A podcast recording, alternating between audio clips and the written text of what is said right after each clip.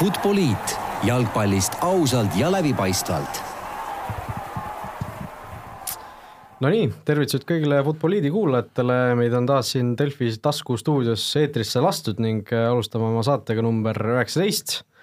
Äh, Ken Kallaste siis on Eesti koondises seda numbrit viimasel ajal kõige rohkem kandnud, äh, aga viimati kandis seda siis kuulus Tristan Koskor, nii et nemad meie tänase saate sellised patroonid on, nendele saade pühendatud on. täna oleme stuudios kolmekesi, püsisaatejuhtide Raul Ojassaare ja Rasmus Raidla tervist! kõrval on täna meil siin ka värskelt pikast ja raskest komandeeringust äh, naasnud mees, Sokken.ee reporter Ivar Lepik, tere Ivar! tere! Ivar, äh, sa oled äh, Katarist värskelt naasnud, nägu on natuke roosakas, päike, päike paistis, oli soe, no ma arvan, et oli, oli vast üks tore reis, kui Eesti, Eesti ei kaotanud ka ühtegi mängu, nii et jah, selles mõttes minnes oli vaimne, vaimne valmisolek selleks, et tuleb kaks kaotust tulemused ei olnud sellel turniiril, ma arvan, kõige tähtsamad, aga kui vaadata niimoodi, siis tulemused olid väga positiivsed ja noh, muidugi tore on siit Eesti külmast ja märjast äh, talvest vahepeal ära saada. no jah, teemade osas äh, täna püsimegi, nagu meil viimasel ajal kombeks on saanud, äh, suhteliselt Eesti jalgpalli kesksed, räägimegi muidugi esmalt sellest koondise Katari reisist ja, ja pärast kiired vaheteemad ka natukene ja, ja hiljem siis teise nii-öelda suure teemana võtame kokku igasugused üleminekud ja, ja Eesti, Eesti klubide hetkeseisud ka kiirelt, nii et et selline suhteliselt põhjalik saade meil täna on. Aga kuna me selle Katari asja juurde läksime, siis äh, esimesest mängust me siin eelmisel nädalal juba rääkisime natuke, teine mäng null-null Islandiga oli see jah ju korraks hakkas juba segamini minema. no ma pole ammu nii sellist noh neutraalse vaate seisukohast igavat mängu näinud nagu. jah, ma ütlen kohe alustuseks ära, et äh, mul olid siin, tekkisid muud toimetused äh, ette, et mina jõudsin mängu vaadata kuuekümnendast minutist, aga sain kohe Alvar Tiisali kommentaaridest aru, et ega vist väga millestki ilma ei jäänud, et äh, need viimased pool tundi minu arust ei olnudki nii igavad, et eks see on natuke selline ka, et kui kommentaator väga rõhutab, et see on hästi igav ja siis hakkadki mõtlema, et vähemalt pool tundi ei olnud väga, väga viga mängul, aga üldiselt jah, tundub, et äh, et selline üli, ülipingevaba mäng ja ma ei tea, noh, alla saja pealtvaataja vist selline klassikaline treeningmäng, et ma ei ütleks, et siin väga palju järeldusi sai teha, et noh, tore võib-olla see, et Island, kes ju tegelikult klubiliselt kuuluvust on okeid, on ju, et me nagu nende rongi alla ei jäänud, aga mul on tunne, et Island isegi ei tahtnud seda, seda mängu suruda Ivar, sina Alvari kommentaari ilmselgelt ei kuulnud äh, seal kohapeal mängu vaadates, kuidas sulle see pilt seal platsi peal tundus? see oli minu meelest väga huvitav mäng just selles võtmes, mis toimus mängu ajal ja pärast mängu. Äh, inimeste arvamused läksid väga paljus lahku, kes nägi just sellist väga huvitavat taktikalist mängu ja ja noh, võib-olla tõesti võimalusi seal väga palju ei olnud, kui Rasmus, sina ütled, et nägid kuuekümnendast, siis ega sa tõesti millestki ilma suurt ei jäänud. aga teisest küljest äh, tõesti neutraalse vaataja jaoks oli see ilmselt väga igav mäng, kellele eriti Eesti koondis korda ka ei lähe äh, minule tribüünilt, kuna mulle läheb Eesti koondis korda, siis äh, oli suhteliselt huvitav mäng, suhteliselt äh, meeldiv oli näha eriti esimest poolega, kus Eesti koondis mängis selgelt palliga, domineeris kohtumist, Islandil oli üks võimalus, see tuli ka meie enda kaitsjate ebakõlast, aga suures plaanis äh, minu meelest Islandil oli mitu võimalust ikka, ma mäletan seal teise poole alguses no need olid teisel poolel ah., teine, teine poolega no, oli meie poolt kehvem, nagu minu, minu silme läbi vähemalt. et, et just esimene oli, oli nagu väga, väga okei okay ma küsiks võib-olla nii palju, enne kui me veel seda Islandi mängust räägime, et kuidas üldse see turnee nagu selle mulje jättis, ma saan aru, Raul on kunagi käinud, sina oled käinud, mina olen käinud koondise mänge, eelkõige nii-öelda valikmänge kajastamas, et on see selline kui on selline talvine tsükkel, otseselt punkte mängus pole, on see kõik nagu natuke pingevabam ka seal koondise poolelt ja ka ütleme, kajastamise mõttes, et ma ise eeldan, et natuke saab vabamalt võtta, sest sa olid justkui ainus online et-, nii-öelda online väljaanne seal, et ei ole niisugust pusimist, et saab natuke, natuke rahulikumalt võtta no natuke kindlasti annab rahulikumalt võtta mingeid asju jah, ja võib-olla kõige suurem vahe võrreldes valikmängudega on see, et ei toimunud nii-öelda pressikonverentse ja noh, vastastega sisuliselt kokkupuude puudus, et ei teadnud, mida nemad teevad, nemad vaevalt teadsid, mida meie teeme, kuni siis mängupäevani. mis puudutab Eesti koondise tegemisi, siis ähm, pealtnäha niimoodi kõrvalt äh, ei ütleks, et vahe väga suur oli, kindlasti nad tegid rohkem trenni kui siin valikmängude aegu aga asjad tundusid samavõrra professionaalsed, samavõrra tõsised kui, kui muidu. aga seal Islandi või Soome meediat paistis ka või oli, oli nii-öelda jalgpalliliit oli ainult Eesti meedia sinna kohale peale lennutanud? ei, olid ka teiste meediaväljaanded täitsa kohal seal, Soomel vist Rahvustelevisioon ja veel keegi, ajakirjanike sektoris oli neid kaks tükki ja siis kaameratega olid veel keegi tal kohal ja Islandi mängul tegid ka seal keegi kohalikud, midagi tegid igatahes ja, ja Islandi mängu vastu tundis ka Katari meedia huvi, seal vähemalt kaks ajakirjanikku käisid koosseisude kohta küsimas, nii et äh, tundub, et kellelegi läks seal ka seal kohapeal korda. mul jah ka telepildist silma, et vist pärast Islandi mängu seal selles valges rüüs ajakirjanik seal Ojamaalt võttis intervjuud ja et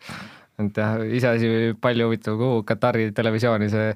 Eesti-Islandi mäng ja Ojamaa järelkaja mahut-, mahtus, aga vähemalt tehti. spordiuudisteni veel jõuame täna, et ei tea, millised need Katari omad välja näevad, aga aga jah, kui sa, kui sa rääkisid sellest, et mis see vahe on nagu ütleme, valikmängude ja selliste sõprusmängude vahel, siis siis kui mina Kataris käisin, mis oli, ma arvan, see aastanumber oli kaks tuhat neliteist lõpp, kui me mängisime Katariga seal, sealsamas Dohas, aga mingil veel kolmandal staadionil ilmselt siis äh, seal oli muidugi see olukord küll ikka noh, see mängukorraldus oli noh, ikka noh, täiesti, täiesti teine, teine mast, et no ma usun, et äh, seekord võis ka midagi sellist olla, et noh, me tulime, tulime ka äh, noh, põhimõtteliselt koos koondisega sõitsime staadionile kuskile sinna alla sisse, läksime välja, noh, mingisugust pressiväravat, midagi sellist ei olnud, et meile, meile ei antud isegi mingit pressipääsmeid või neid kaelakaarte kaela, et meid lihtsalt juhatati sealtsamast nagu väljaku äärest, kus mängijad platsile tulid, et sealt juhatati tribüüni peale ja ja siis noh, et meil fotograaf oli kaasas, ta, ta seal oli hirmus, hirmus hädas, et ta ei saanud ühtegi vesti, oli, oli seal hirmus nagu närviline, aga aga pärast selgus, et jah, et ei olnudki midagi vaja, et ja ma ise, ise käisin ka pildistamas, kusjuures ühe poole pild, pildistasin platsi ääres, et see oli mu ainus fotograafi kogemus, aga mis oli kõige nagu niisugusem, kõige paremini ilmestas seda kogu korraldust, oli see, et ma tahtsin enne mängu WC-s ära käia ja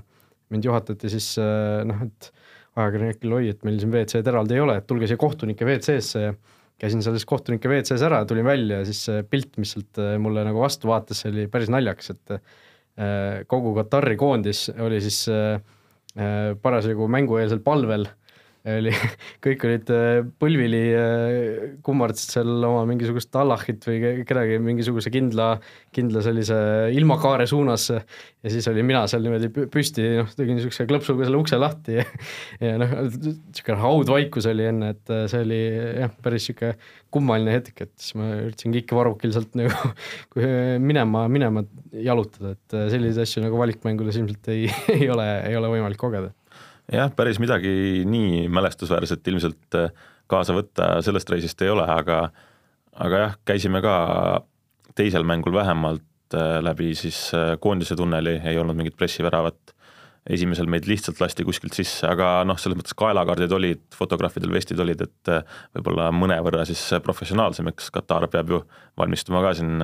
suureks turniiriks ja tuleb neid samme teha seal vist ühe mängu eel oli tund aega enne olid veel väravad kinni, ma sain aru, midagi sellist. jah, see esimene mäng MM staadionil oli noh, pealtvaatajaid selle neljakümne tuhandega, neljakümne tuhande istekohaga staadionil oli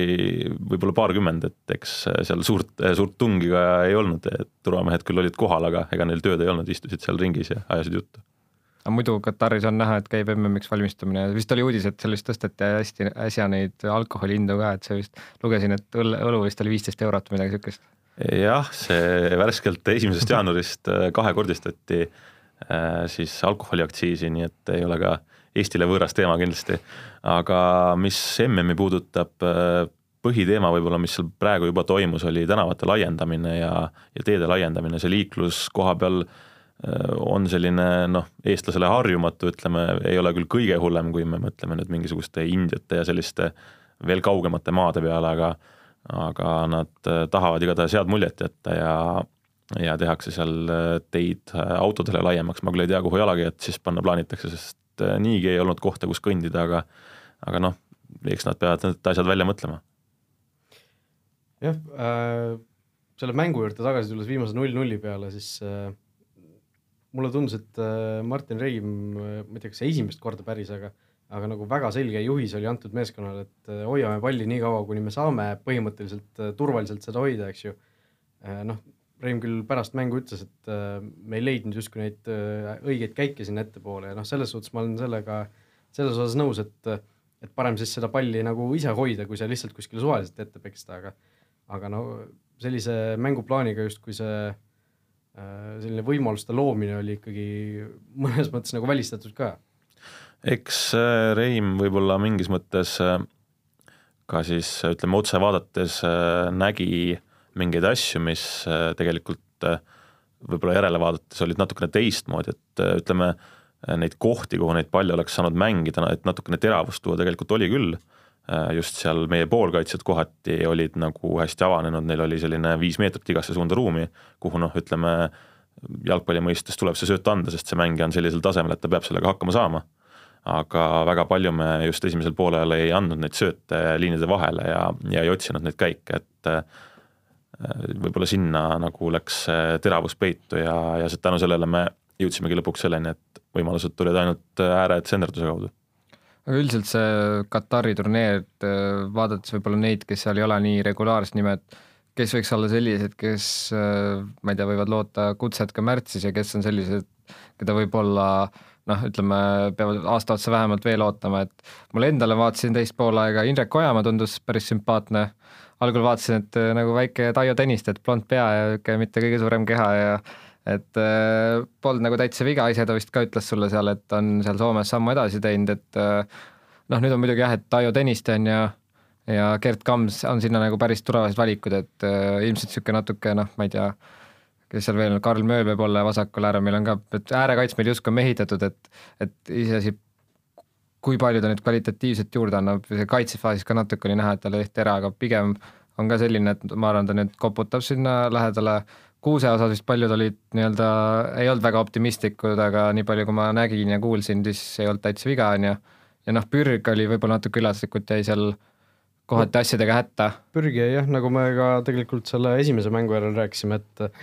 et tegelikult ta ka Islandi mängus jäi natukene hätta seal, et mm -hmm et noh, tema pealt näiteks tuli see üks väga hea võimalus ju, mis Islandil oli, kus Meerits tegi väga hea tõrje. et äh, seal jah, võib-olla üllatuslikult tõesti noh, kui vaadata seda, et Floras on Pürg äh, nagu kuusest eespool seal järjekorras nii-öelda, siis äh, Kuusk tegelikult mängis tunduvalt soliidsemalt kui, kui Pürg. jah, ma arvan ka, et Pürg võib-olla oli kõige suurem selline lati alt läbimineja, et äh, kui meenutada kas või Madis Vihmani esimesi mänge, siis need ikkagi päris nii äh, võib-olla sellised robustsed ei olnud, kui nüüd äh, Pürgi esimesed ja, ja Kuusk teine mäng tõesti näitas ennast väga heast küljest. Äh, Hindrek Ojamaa, ma arvan ka, et tegi soliidsed esitused või esituse siis õigemini jah, esimeses mängus ta ju ei mänginud, aga nagu Rasmus mainisid, siis Tõniste Kams on ees, väga raske võib-olla praegu veel koondisesse mahtuda mis eespool olevaid mehi puudutab, siis äh, noh, kui Reim ütles pärast teist mängu, et kaks-kolm meest võivad võib-olla oodata kutset, siis ma arvan, et need võib-olla võivad olla näiteks äh, Liivak, Roosnup ja Markus Poom jah, Poomi osas me esimene mäng kiitsime, teine mäng ta vist noh, niivõrd hea ei olnud, aga tal on ikkagi näha, et natuke sellist palliga enesekindlust on rohkem ja need mängud ei olnud ka sellise iseloomuga, et teda väga sealt palli pealt, palli pealt ära lükati, ma vaatan siin veel seda nimekirja, Trevor Ilchi ka esimene mäng pigem oli positiivne ründ, liitus ründes, aga teine mäng nii palju jah, see viimast pool tundi tegi seal üks-kaks päris suurt prohmakat, ühe korra süütis keskele niisuguse, tundus niisugune ajupeer kerge olevat ja korra lasi endale ka seal ära teha, et et noh, eks niisuguseid asju ikka juhtub, on ju, et et ma usun, Neilki just arvas, et ta välismaale sai, aga kindlasti nagu võiks aina rohkem sinna koputada ja noh, ma nüüd Koskoli debüüti kahjuks ei näinud, aga ilmselt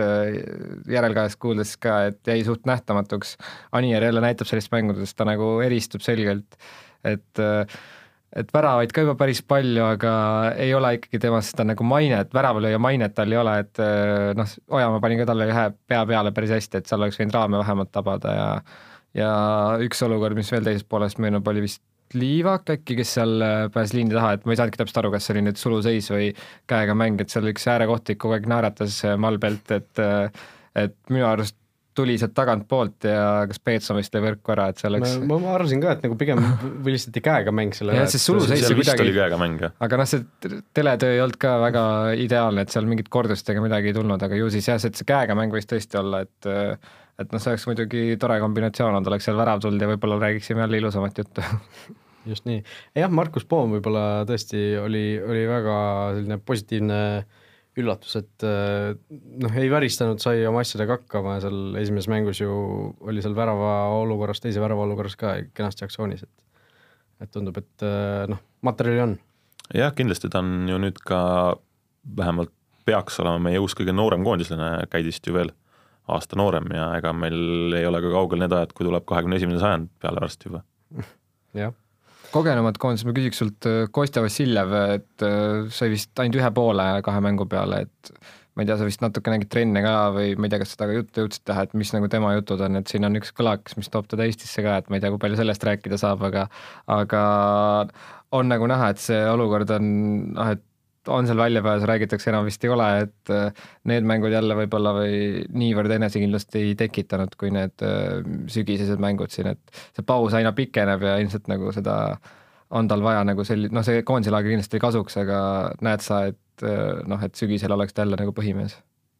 või ütleme siis nüüd märtsis kevade tulles, et on ta siis jälle nagu valmis?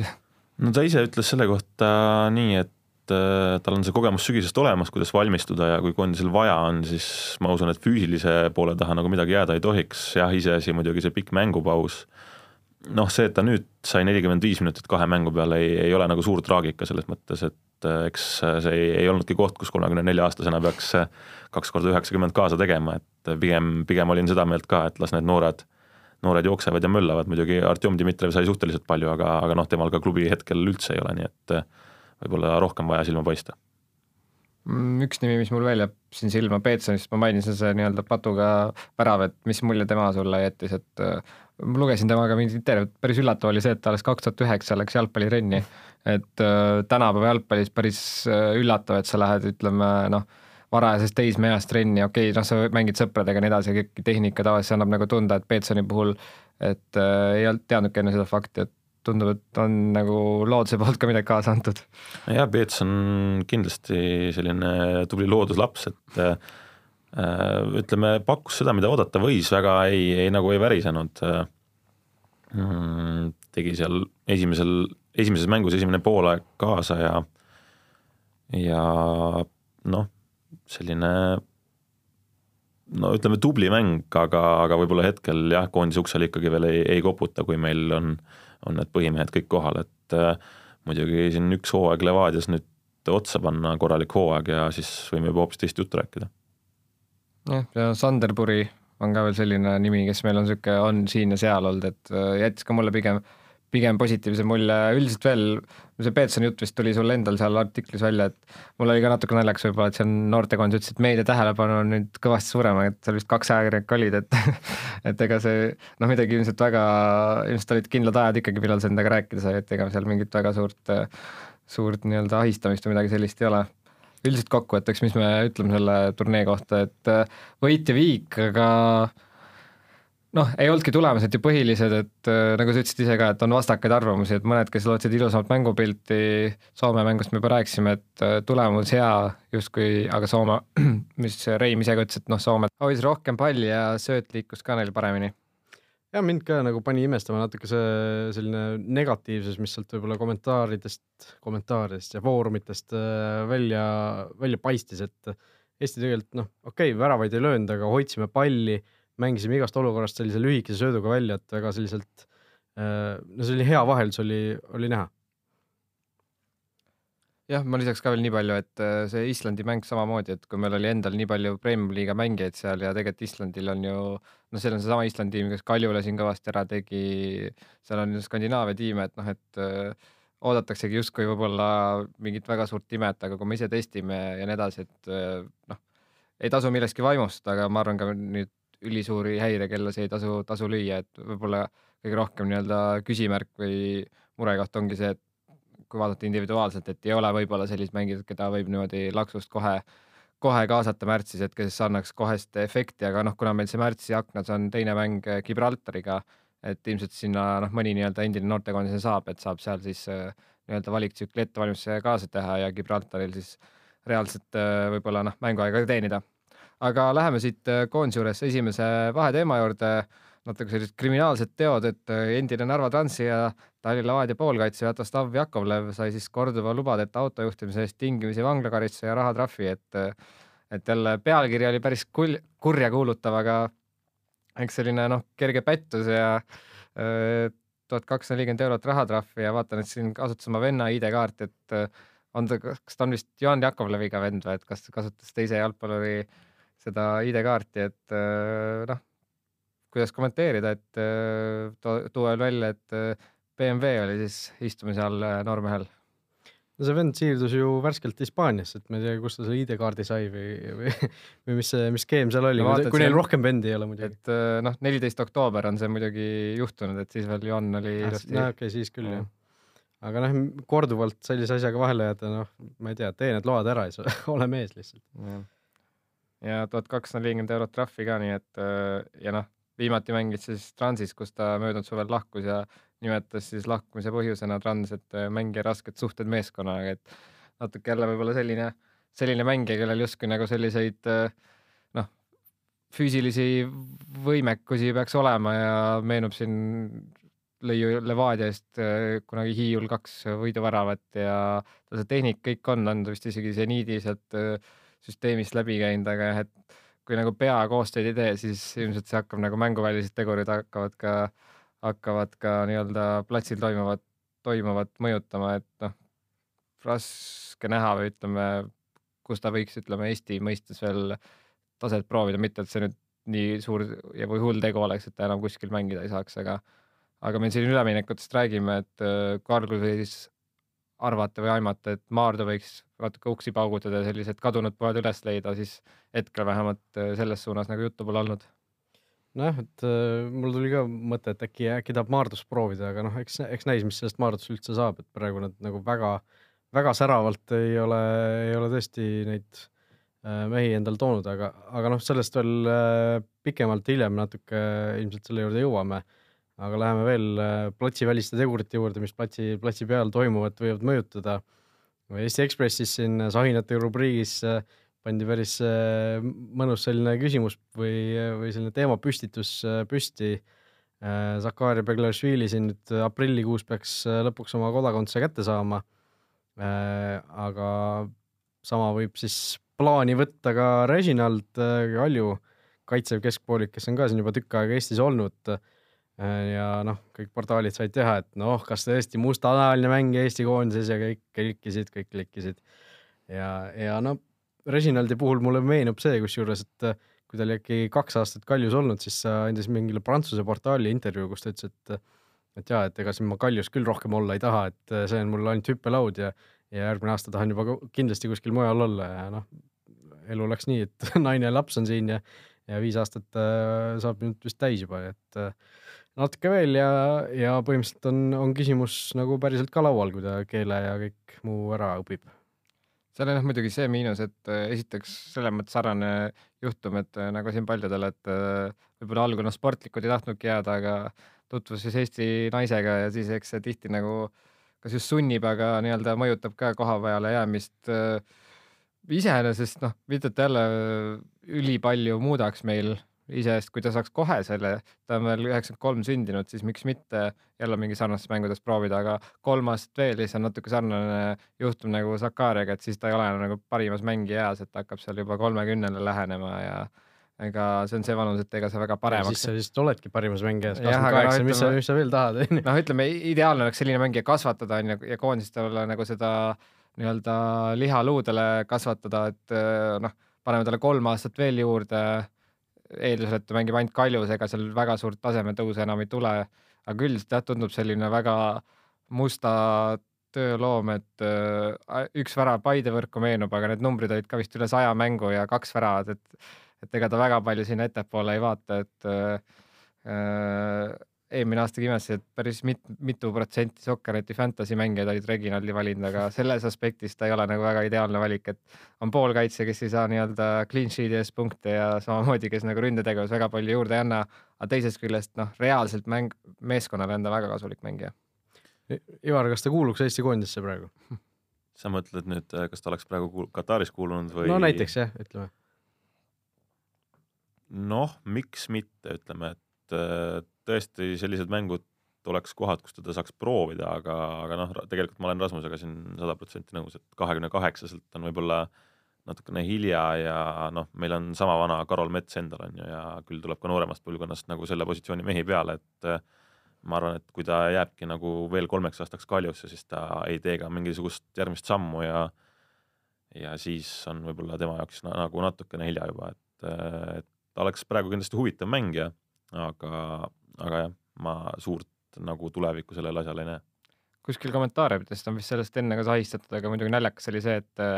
vist Õhtuleht küsis talle endalt kommentaari, aga ta midagi väga konkreetset ei öelnud, ütles, et kui kunagi tekib see variant, noh, mis on nagu aus ka, et kolm aastat on vähemalt veel aega sinna, et siis võib-olla, võib-olla mõtleb selle peale lihtsalt nii-öelda jälle spordihuvilisena oleks muidugi tore näha, et ma juba natuke näen ette, et see protsess käiks oluliselt valulisemalt kui Sakar ja see, et kui seda toetatakse, siis siin tuleks kindlasti sellised äh, ütleme, EKRE, EKRE valijad tuleksid välja ja mustanahaline on sinises särgis, et see oleks juba täitsa eraldi teema ja mis on natuke noh, tegelikult naljakas, aga ma olen nagu enam kui kindel, et noh, suuremal või vääramal, väiksemal määral tuleks teemaks, aga noh, hetkel no, see tuli juba praegu suhteliselt oluliselt teemaks, ütleme nii. Jah, et ma arvan, et see oleks ka üks üks päris tuntav nagu asi, mis äh, võib-olla takistaks, noh, mitte et see peab, seda peaks ülipalju arvesse võtma, aga, aga on ka selline, et noh, eks seal ikka on vaja sellist avalikkuse toetust, oleks nagu abiks on ju, et, et äh, noh, kui ma peaks ennustama, siis ma julgeks suhteliselt äh, kindlalt öelda, et pigem me teda Eesti koondis mängimas ei näe. just, no teemapüstitus oli ka väga huvitav tegelikult eile, kolmapäeval siis äh, Äh, võrkpalli kakskümmend neli punkt ee toimetaja Karl Rinaldo äh, esines siis sellise huvitava arvamusartikliga pealkirjaga Millal kaob pohhuism Eestis eh, või ETV spordiuudistest. Äh, no pealkirjaga muidugi Karl natukene pani puusse, sellepärast et see enamus neid kommentaare ja, ja kõik, kõik keskendusid nagu sellele, et, et see venekeelne roppus seal pealkirjas oli, et kuidas ikka nii saab ja ja kuidas kõik äh, kiirelt äh, solvuma kukkusid, aga, aga natuke see sisu jäi nagu varju, aga, aga sisu oli tegelikult äh, mõnes mõttes asjalik, noh, kes ei ole seda võib-olla kuulnud või näinud, siis point oli selles, et et ei kajastatud Eesti võrkpallurite tegemisi ETV spordiuudistes. võrkpallurid siis Robert Täht mängis seal meistrite liigas ja, ja mängis, tegi väga hea mängu ja ja, ja aga jah, mitte ühtegi sõna selles spordiuudistes õhtustes ei, ei mainitud äh,. selles osas ma olen nõus, et ma arvan, et kui Eesti võrkpallur teeb meistrite liigas hea esituse, siis seda võiks mainida. aga noh, seal oli ka selliseid äh, päris huvitavaid võrdlusi, et äh, Karl siin sügava, sügava võrkpalliinimesena oli näiteks võrrelnud võrkpalli meistrite liigat sellega, kui Eesti jalgpallur lööb meistrite liigas Barcelonale värava või meie korvpallur viskab Golden State Warriorsi vastu kakskümmend punkti NBA-sse. no Ivar, ma esitan sulle sellise küsimuse, et äh, kes mängivad võrkpalli meistrite liigas, nimeta palun äh, ütleme mõned klubid. klubid? jah. Selver, äh, Bigbank, Saaremaa Me. meistrite liigas siis? aa, ah, meistrite liigas? uhuhuu okay, see, see on natuke kaugem teema jah, et äh, võib-olla siin Eesti koondistest mõned klubid äh, suudaks välja võtta, kas see oli Ardo Kreek äkki, kes Innsbruckiga mängis meistrite liigat? Ma ei ole kindel. aga ma ei ole ka kindel jah, et ma nagu võrkpalli... Sardo Kerek ei olnud kuskil Prantsusmaa esiliigas, mis mingi pankrotti läks vahepeal see oli vist Pariisi volli äkki. jah, midagi sellist. aga, aga jah, ütleme noh, võrkpalli ma Sokkernetis töötades on ju jälgin kõrvalt, et no sul on vabandus olemas. kui ise ei kirjuta, siis nii täpselt ei tea ka, et üritan nagu enam-vähem kursis olla ja ja koondise asjadel ikka hoian silma peal, aga, aga jah, et ütleme, kui, kui nagu üldisemalt selle teema juurde ka tagasi tulla, siis äh, see pealkiri minu meelest oli okei okay see, et sellise asja peale solvutakse, on muidugi selle ühiskonna probleem hetkel, et äh, ma leian, et ei ole põhjust, pigem võib-olla see aitas kaasa isegi, et tähelepanu tõmmata sellele loole. aga noh, ma jällegi faktikontrolli osakonnas ei ole nüüd käinud, aga Rivo Saarna vastus oli minu jaoks ikkagi mõjusam ja ja jättis küll mulje, et Rinaldo ikkagi suhteliselt tühja koha pealt hakkas mulli puhuma ma toon need äh, numbrid ka välja, mis siis Rivo Saarna täna Delfi seal nii-öelda vastuses välja tõi, et esimesel kohal ongi võrkpall olnud siin alates viieteistkümnendast detsembrist, ajaline maht siis nelikümmend kuus minutit, kolmkümmend seitse sekundit, jalgpall on neljandal kohal kakskümmend kaks minutit ja kolmkümmend kaheksa sekundit ehk äh, natuke rohkem, kaks korda vähem, aga noh, ma ütleks, et see on natuke selline ütleme, Saaremaal läks hästi, et need numbrid on praegu sellised, sest ütleme, jalgpalli ju sisuliselt noh, Eestis, millest sul on videopilt, sisuliselt ei mängita võrkpallis mõlemad koondised jõudsid finaalturniirile, ehk need on nagu väga kunstlikult praegu nagu tõstetud ka, et ma saan ühest küljest Rinaldost aru, et see oli, see oli asi, mida võib-olla peaks mainima, teisest küljest jällegi see, et noh, kui sul ei ole videopilti, siis mis see paar lauset võib-olla annab. pigem oli minu arust tunne, et Rinaldo probleem oli see laiem nagu, et see üldine suhtumine jääb selline, et noh, jalgpalli ma tahaks neid numbreid näha näiteks suve ajal, kui võrkpallis üldse ei mängita nagu äh, et äh, ja oli eks jalgpalli mm, et noh, siis oli kindlasti väga palju kaldu, mis on ka loogiline, aga et noh, praegu võrkpall on esikohal ja noh, tegelikult on loogiline ja et noh, siin kindlasti aitab väga palju kaasa siin tõesti need finaalturniiride pääsemised ja kõik siuksed asjad. jah, aga noh, fakt on see, et rahvusvaheline klubi võrkpall nüüd ei ole küll midagi sellist, mille, mis inimesi laiemalt nüüd või spordi, spordisõpru erutaks, et et see, see oli nüüd, oli nüüd küll natukene kehv võrdlus, et et tõesti, okei okay,, Eesti, Eesti sportlaste väga noh, kõrgel tasemel tegutsemist äh, võiks kajastada, aga noh, see ei peaks kindlasti olema mingisugune äh, ütleme, võrkpalli meistrite liiga või võrkpalli mingisugust meistritiitlid ei võiks olla, ei peaks olema mingisugune eriline prioriteet, ütleme nii. ma, ma saan ka aru, et tegu oli tegelikult ikkagi suhteliselt rea mänguga, et äh, noh, kui tuua paralleeliks jäähoki meistrite liiga ja Robert Rooba, siis need õigused ju ERR ostis, kui nad siin eelmine kevad kaugele jõudsid, et et no sa nad said selle kaasa vist jaoki MM-iga on see mingi paketi osa nii-öelda Brežnevi pakik jah, et ega need, neid reaalselt omandada ei vist ei soovinud, aga need käisid siin, väga vedas, ütleme. käisid sinna juurde, eelmine hooaeg läks sellega väga hästi, see aasta jälle noh, natuke naljakas on näha ERR-is portaalis mingi keegi, keegi vaatas seal üleeile ja see oli ju äh, kusjuures Eesti, Eesti-Islandi mäng ei olnud telekas, oli hoopis jaoki meistriliiga, kas oligi finaal äkki või? ei olnud finaal, see oli, oli poolfinaalis, poolfinaalis salas, seal oli mingi München ja Austria ja Saksa tiimid, et et iseenesest seda ERR-i kajastust võib-olla kunagi võib pikemalt analüüsida, et tegelikult seal on nagu asju, mida noh, ma olen ka nõus, et eks siin on aru saada, et äh, laskesuuska noh, on nagu proportsionaalselt liiga palju vaadates nagu Eesti sportlaste taset, teisest küljest teades neid numbreid, need on Eestis peaaegu kõige populaarsemad teleülekanded, ehk sellest tulenevalt jälle mingil määral loogiline, nad ise kannavad seda üle. Äh, siin on alati see küsimus, et kas ERR nagu peaks oma sisu nii palju promoma, vaid mõtlema laiemale pildile, samamoodi on ju jalgpall, mida väga palju jääb nagu ette, et kui on telemäng, et siis tihti uudistes tehakse nagu sinna otselülitus on ju, aga noh, ma nagu väga suurt probleemi ei näe, et jah, siin on nagu asju, mida, mida norida, aga laias laastus nagu ütleme, millest pilti on, see nagu pääseb ka sinna. aga läheme teise nii-öelda suurema teema juurde, nagu Raul enne sisse juhatas, siis käiks üle natuke selline äh, talvine üleminekuaken on hetkel ametlikult lahti, Eestis ka hooaegade vahepealne ehk ülemineku uudiseid tuleb peaaegu igapäevaselt, et natuke siin aidata orienteeruda, siis käiksime üle sellised suuremad minekud või potentsiaalsed minekud, et esialgu noh, Sakari, kellest oleme siin palju rääkinud, läks siis Poolasse laenulepingu Ungari neljateistkordse meistri Budapesti Honvedi juurde.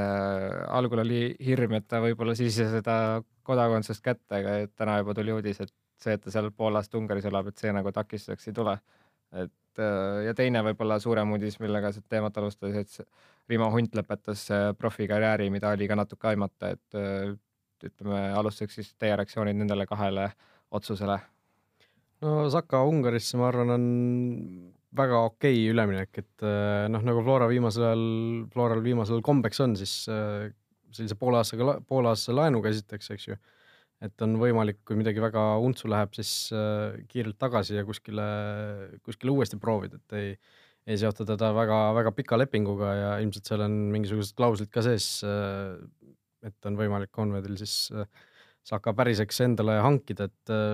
ma arvan, et see tase on, tase on võib-olla umbes selline, nagu ma arvasin, et, et ta läheb, et võib-olla isegi suts tugevam, kui ma oleks oodanud, aga noh jällegi vana hea, eks näis, et,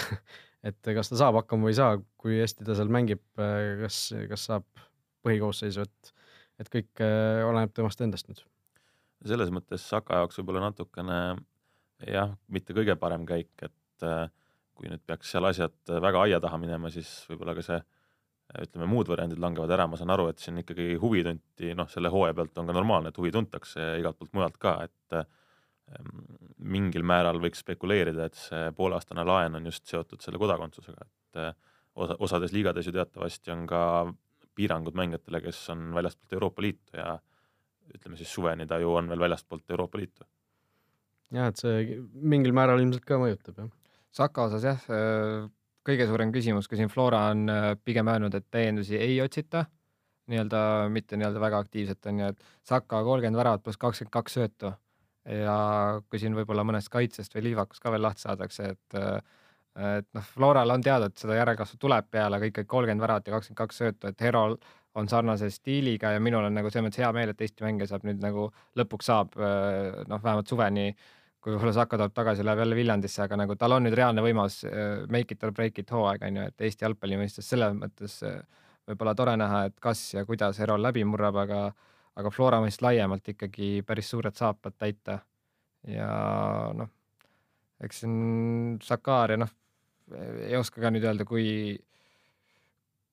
kui väga ta sinna Ungarisse sobitub, eks seda siis ole näha, et äh, nagu sa ütlesid ka, et see pooleaastane laenuleping oli sihuke noh, ütleme, tundub jah, heas mõttes nagu riskivaba, et natuke testib ja vaatab ja eks siis suvel tehakse nagu reaalne, reaalselt pikem otsus. Hundi osas ka nagu öeldud, siis noh, spekuleerid, ta ise vist kohe pärast finaalmängu ütles, et äh, ei ole päris kindel. mängis siin äh, aastalõputurniiri seniidi eest, äh, seal tal see tuttav ja sõber Toomas Vilson on teda sinna kutsunud, on ka olen ka kuulnud, et pigem vist hakkab seal mängima nii-öelda oma lõbuks, et et eks tal oli siin vigastustega probleeme ja nii edasi, aga selles mõttes kindlasti tore kuju, et te kindlasti jalgpalliajakirjanikena kiidate, et hea mees, keda intervjueerida ja teisest küljest natuke ainulaadne ka, et mees vist alles kahekümne kuueselt seitsmeselt nagu siia kõrgseltskonda murdis. jah, väga huvitav kuju kindlasti Eesti, Eesti mõistes ja nagu sa ütlesid ka, siis äh, väga hea intervjueeritav alati äh, alati aus, alati otsekohene, ei, ei olnud nagu sellist poliitkorrektsust, mida tänapäeval väga palju peale surutakse. jah, tõsi, et uh, Unt oli ka noh, selline tore mängija, et, et alati noh, ta oli küll selline mõnes mõttes vastuoluline vend, eks ju, kes ei kartnud välja öelda, aga aga noh, ajakirjanikule väga muidugi, väga muidugi meeldis ja ja tegelikult noh, kui mõelda selle peale, et äh, aastal kaks tuhat kümme kahekümne nelja aastasena lõi äh, lõi siis äh, ju äh, teises liigas kaheksateist mänguga kümme väravat. kaks aastat hiljem oli meistriliiga klubi noh, üks põhiründajaid äh, meistriliiga seal väravaküttide edetabeli tipu lähedal. Et see hüpe oli ikkagi väga-väga ägedalt suur, et, et noh, ma ise saan ka siin uhkelt rääkida, et mina nägin, kuidas ta seal sinna tippu tõusis, et see kaks tuhat üksteist aasta, kui ta esiliigas Tallinna Kalevis mängis, siis mina ka selle Kalevi klubiga natuke seotud olin ja väga palju neid mänge nägin toona, et et tõesti äh, oli mees, kes äh, noh, tõsiselt võttis meeskonna selga ja vedas oma väravatega, et et see oli, oli, oli väga äge ja, aga noh, isegi selle pealt oli üllatus, et ta kohe sinna Levadiasse siirdus. Jah, et füüsilise koha pealt ma ütleks, et oleks, ütleme sihuke viis-kuus aastat noorem hunt kuluks praegu väga hästi ära, et oleks ta nagu nii-öelda loogilist jada pidi sinna tippjalgpalli jõudnud ja kahekümneselt neid tegusid teinud, siis ta oleks nagu noh, see pikkus ja kõik selline ei olnud ju kõige aeglasem mees ka selle keha kohta on ju, et et noh, siin paar, mõned mängud sai Eesti koondis ka, aga noh, reaalselt ta seda väga regulaarseks koondiseks ei saanud, aga oleks see natuke varem tippjalgpalli murdnud, mine tea, aga mul üks küsimus jäi ka veel, et ta ise siin ütles, et noh, et Florasse Levadiasse minek oli välistatud, kui ma nüüd ei, mälu ei peta, siis tegelikult sellest Levadiast läks ikka päris suure tüliga vist tegelikult ära, sellest keegi rääkinud pole. ja minu arust ta toona ütles, et kui karjäär läbi on, et siis võib rääkida, et äh, ma olin natuke pettunud, kui ma seda Madis Kalveti artiklit nägin ja seal ei olnud sellest juttu, et äh, nüüd ma saan jälle öelda, et kuna ma ise ka ajakirjanik pole, siis tööülesanne teile, et see oleks jälle huvitav lugemine, et mis seal nagu reaalselt äh,, see reaalselt siis toimus järgmise nädala Futboliit on meil kakskümmend neli jaanuar, eks ju, et -hmm. vaatame, äkki, äkki, äkki, äkki soovib tulla. Jah, aga hundi, hundi jutud siis äh, räägitud, mis veel, Ilhia Barano Bulgaariasse on siin vahepeal läinud, äh, Kalju on teinud kaks äh, pikemat lepingut, Aleksandr Ivanjušin siis ja Roman Sobtšenko päris üllatavad, et nagu niivõrd ruttu, tavaliselt tehakse siuksed lepingud võib-olla märtsi alguses või veebruari lõpus, et noh, sihuke kas just päris sundvalik, aga selline, et näed, et noh, need ütleme, välismaalased ei ole ära kandnud, aga ühega nelja-aastane, teisega kolmeaastase leping, et võib-olla Kalju mõttes ka natuke näha seda suunamuutust. nojah, no suunamuutus selles suhtes ei ole, et Kaljust on ikka päris konkreetne vene sats saamas, et mm, -hmm. et noh, ma vaatasin ka seda mingisugust äh, listi, kes neil mängis, et Kaspar Paur oli seal Eesti poistest, et äh, noh, selles suhtes on nagu päris, päris huvitav näha, et Levadia, kes, kes nagu traditsiooniliselt on võib-olla rohkem selline vene meeskond, on, on praegu ikkagi selgelt rohkem, rohkem eestlaste poole kaldu kui, kui näiteks Nõmme Kalju, et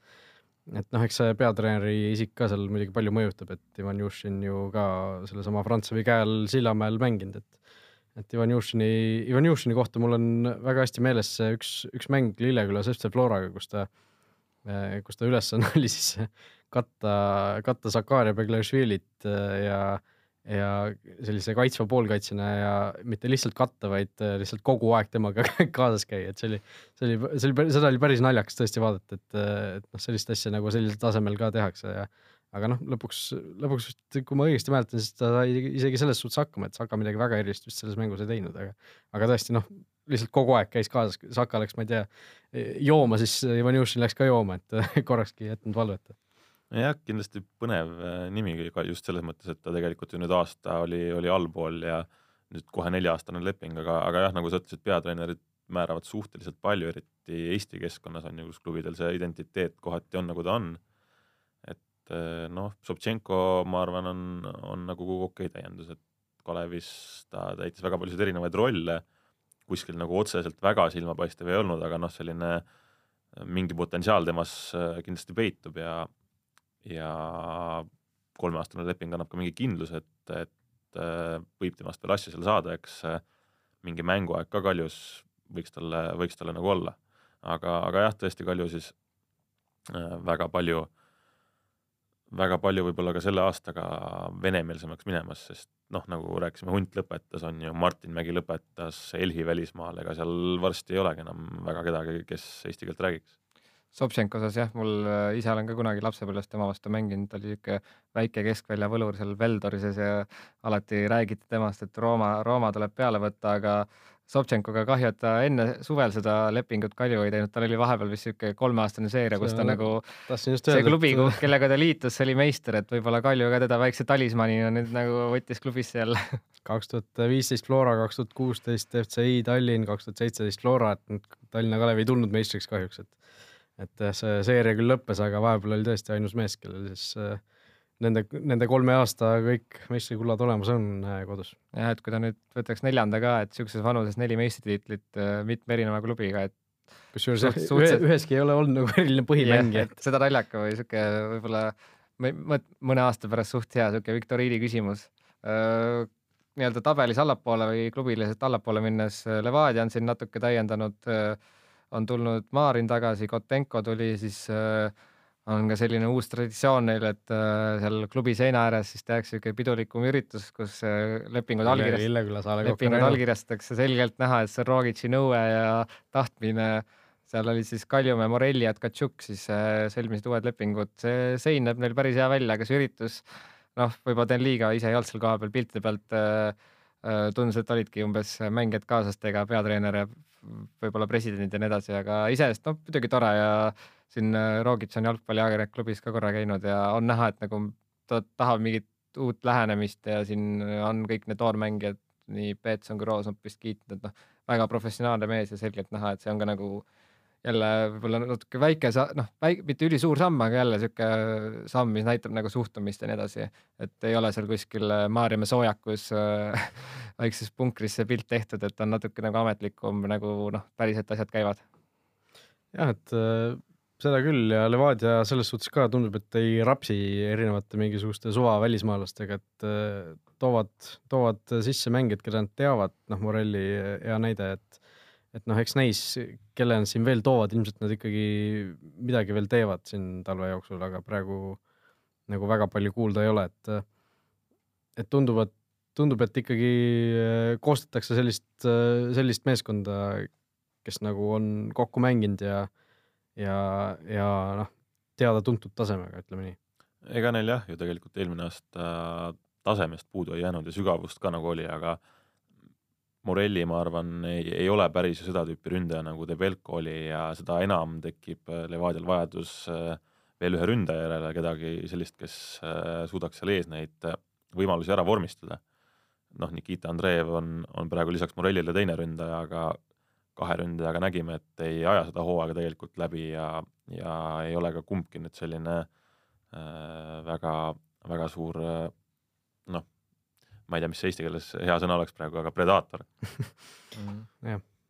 no remont äkki. Ah,, oi. Noh, ikkagi ikkagi tuuakse tagasi. Florast natuke oleme rääkinud, lahkujaid on, Lorents lõpetas karjääri, Toom läinud, Dmitrijev lõpetas karjääri, juhendab juba Kalevit, Sakari läinud, sisse toodud Tõõmov, Järvelaid, Riibert tagasi ja Lillander, et noh, väga siuksed floralikud käigud, et võib-olla see Tõõmov on natuke üllatavam, aga noh, lõhnab,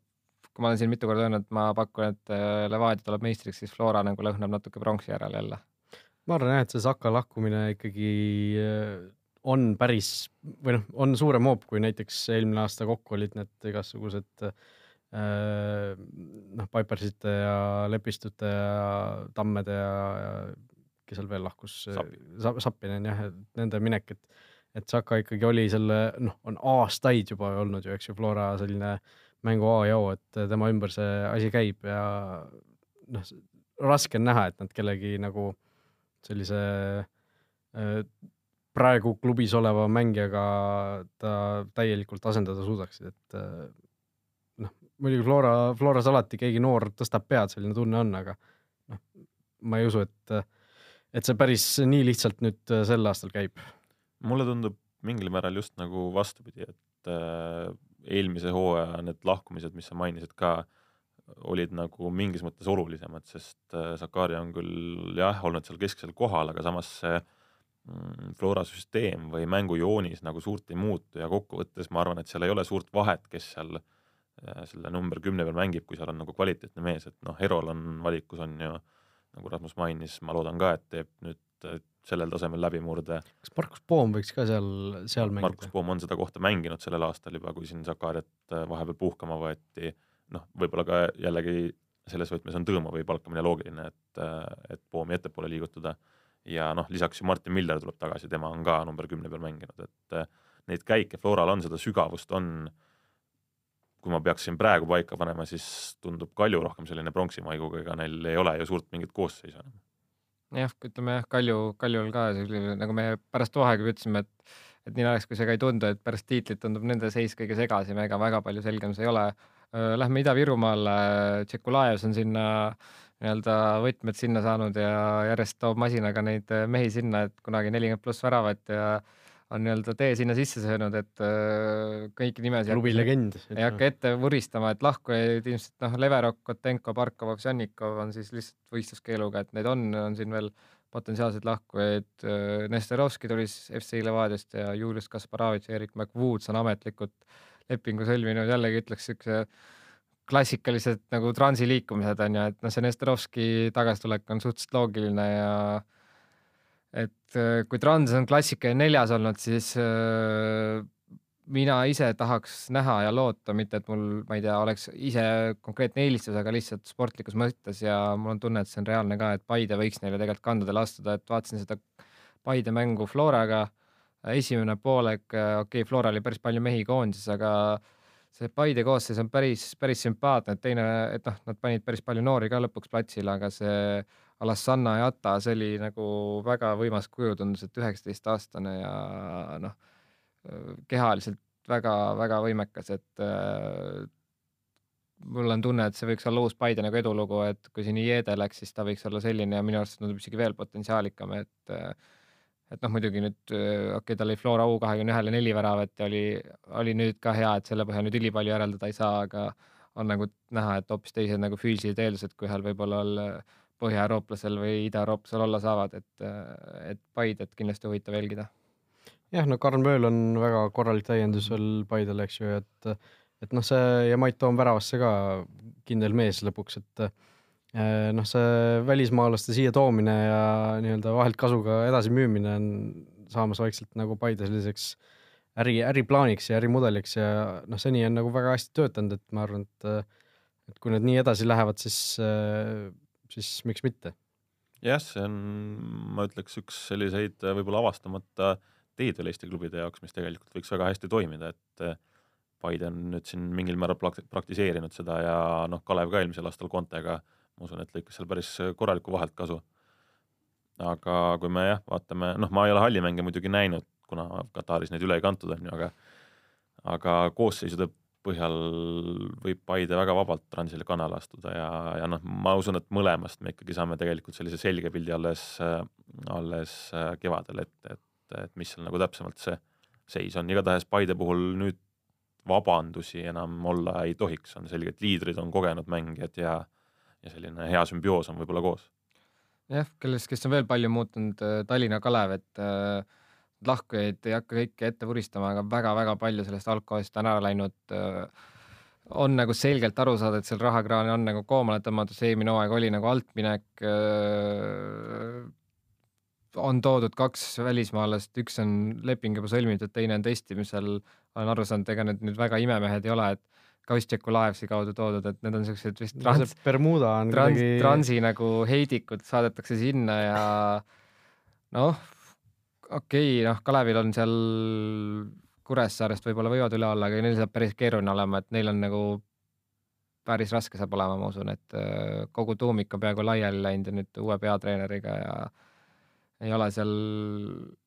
nii-öelda väga kokkumängu ega midagi, et huvitav ole näha, et äh, mis neist saab, et kui tundus see, et kui nad nüüd enne eelmist hooaega tulid hästi palju uusi mängijaid, et see võiks olla niisugune võib-olla mitme aasta projekt, et ju Lindpere ja Klava on seal eesotsas, et nagu iga aasta aina, aina rohkem nagu tuuakse ja aina tuumi, tummisemaks see supp muutub, siis praegu nagu noh, sellised noh, Markus Vaherna, andekas noor ja mis iganes, aga noh, et selgelt nagu näitab seda suunamuutust, et kui siin enne paugutati uksi Artjuninite asjadega ja möölid ja asjad, siis on nagu selgelt näha, et see rahakott on nagu natuke koomale tõmmatud noh, emotsionaalne raha nagu armastatakse öelda, on ju, et et äh, tahtsid, tahtsid tõesti selle, noh, see eelmine aasta oli selge läbikukkumine Kalevi poolt, eks ju, noh, tabeli koha mõttes eelkõige, et et see noh, näha, näha oli, et see ei toiminud ja nüüd äh, üritatakse nagu natuke vaiksemalt, et et ma arvan ka, et seal ikkagi äh, noh, see tabelikoht võib, võib jääda isegi samaks umbes Tallinna Kalevil, et kui seal ei tule isegi madalamal natuke mingisugust äh, mingisugust madistamist, noh, praeguse koosseisu põhjal vähemalt, et äh, aga noh, ma olen ka suhteliselt kindel, et lõpuks ikkagi, ikkagi mingisugused äh, rahad siin välja käiakse, keegi välismaalt, äh, välismaalt tuuakse, et. jah, tegelikult ju ka eelmine aasta seal osad diilid jäid päris, päris selle veebruari lõpupoole, et Artjunid ja asjad ka, et äh, samal ajal eelmine aasta nad vist testisid enam-vähem Tristan Koskorit äh, eks, eks näis, mida see järgmine poolteist kuud veel toob enne hooaja algust äh, Kalevil, noh, ütleme, mingi potentsiaal kindlasti on ju Tallinna näol ja siin Klavani Lindpere näol, et et nagu mängijaid ka meelitada ja,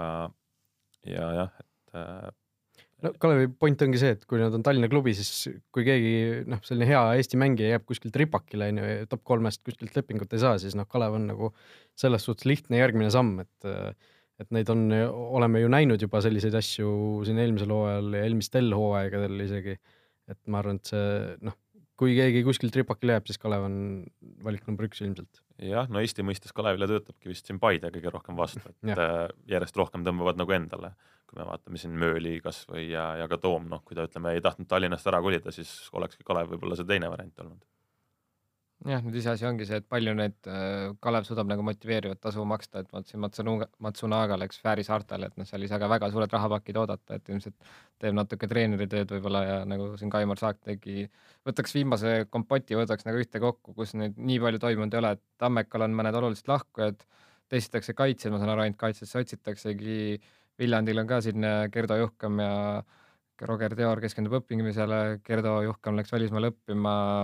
eile vist tuli uudis, et Kaimar Saag ehk liitub, aga noh, see on mitu aastat vist juba niisugune talvine jutt olnud, eks siis ole näha, mis reaalselt saab. Kuressaare noh, oodatult ka ilmselt äh, väga palju midagi liigutanud ei ole, Rauno Tutk võib-olla liitub, ehk siis ootavad, kes sealt Florast võib-olla veel üle jääb ja noh, ja Maardust ka mainisime, et siin on öeldud, et Tihon Žižov jätka ja Tšumadil ja Tšurilkin on toodud, aga noh, et äh, oleks võib-olla oodanud või eelmine aasta, kui oli jutt, et äkki Maar tõuseb, siis justkui eeldati või loodeti, et nad võiks olla see, võtta natuke selle FCI koha sisse, aga tundub, et päris nagu seda äh, ei ole, nad ei tee ja võib-olla noh, eks siis vaadatakse, kuidas esimene hooaeg läheb, et oleks ka võib-olla see oht nagu Kaleviga, et sa kulutad seal sada tuhat emotsionaalset raha ja siis oled kuskil seitsmendal kohal, et eks seal noh mul on tunne, et neil on piisavalt kvaliteeti seal ka, ma ei tea, Deniss Malovide ja kõikide selliste meestega ja et hoida see nagu koht nii-öelda noh, koht kõrgligas paigal ja siis äh, vaadata võib-olla aasta pärast, kahe aasta pärast nagu teha samm edasi, et, et see samm nagu ütleme kaheksandast kohast ütleme neljandale kohale on juba päris suur, et ütleme Paide ja Narva Trans on näha, et noh, selgelt on nagu teiste võimalustega, et äh, ilmselt Maardu on nagu reaalselt äh, võimalusi hinnanud. jah ütleme nii. Äh, no pika jutu alustuseks Kaimar Saagi sugust meest võib-olla Viljandil oleks tõesti vaja, kes oleks nagu niisugune reaalne päris ründaja, et vaatasin ka eelmine aasta Viljandi top skoorer oli Rasmus Peips, kes lõi siis sama palju väravaid kui näiteks Madis Vihman Floras, et kaheksa tükki, okei okay,, ei ole, ei ole nagu väga halb näitaja, aga, aga samas noh, Viljandil võiks ikkagi olla selline üks mees, kes, kes noh, kelle peale saab kindel olla, nagu oli Joonas Tamm äh, paar aastat tagasi siin neil, et et noh, sellist, sellist meest Viljandi-sugusesse võistkonda on vaja. jah. no iseasi, kas saaks, see on, eks ju ja,. jah, jah. no kokkuvõtvalt jah, et kogu see alumine ots tegelikult on võib-olla selles mõttes natukene huvitavam nüüd uuel aastal, et äh, ei ole Pärnu vapruse masti sellist äh, võib-olla selget outsiderit ja, ja noh, Kuressaare madistas seal vaprusega pikalt, aga nüüd on nendel ka üks aasta kogemust ikkagi all. Äh, Maardu, Kure, Kalev ja Tulevik on kõik potentsiaalselt tegelikult sellised, et noh, ei oleks ju suur üllatus, kui nad ikkagi lõpetaksid viimasena, et seal potentsiaalselt on see, on see tagumine ots võib-olla tummisem kui, kui kunagi varem, et võib ka siin viimane sats kahekümne punkti peale jõuda. jah, nii on. aga, aga sellega siis saamegi meie tänase saate ära lõpetada. Äh, mis siis ikka, kuulake ikka Delfi taskust kõiki teisi podcast'e ka, meil siin korvpallist on värskelt pihtas põhjas äh, väljas tulnud, välja tulnud ja, ja igasugustel muudel teemadel ka, nii et, et äh, olge ikka meiega, saate meile kirjutada Futboliidi Facebooki, kes soovib äh, mingeid küsimusi esitada, ettepanekuid, äh, soovitusi, üritame arvesse võtta. ja, ja mis seal siis ikka, oleme järgmine nädal tagasi. Futboliit jalgpallist ausalt ja läbipaistvalt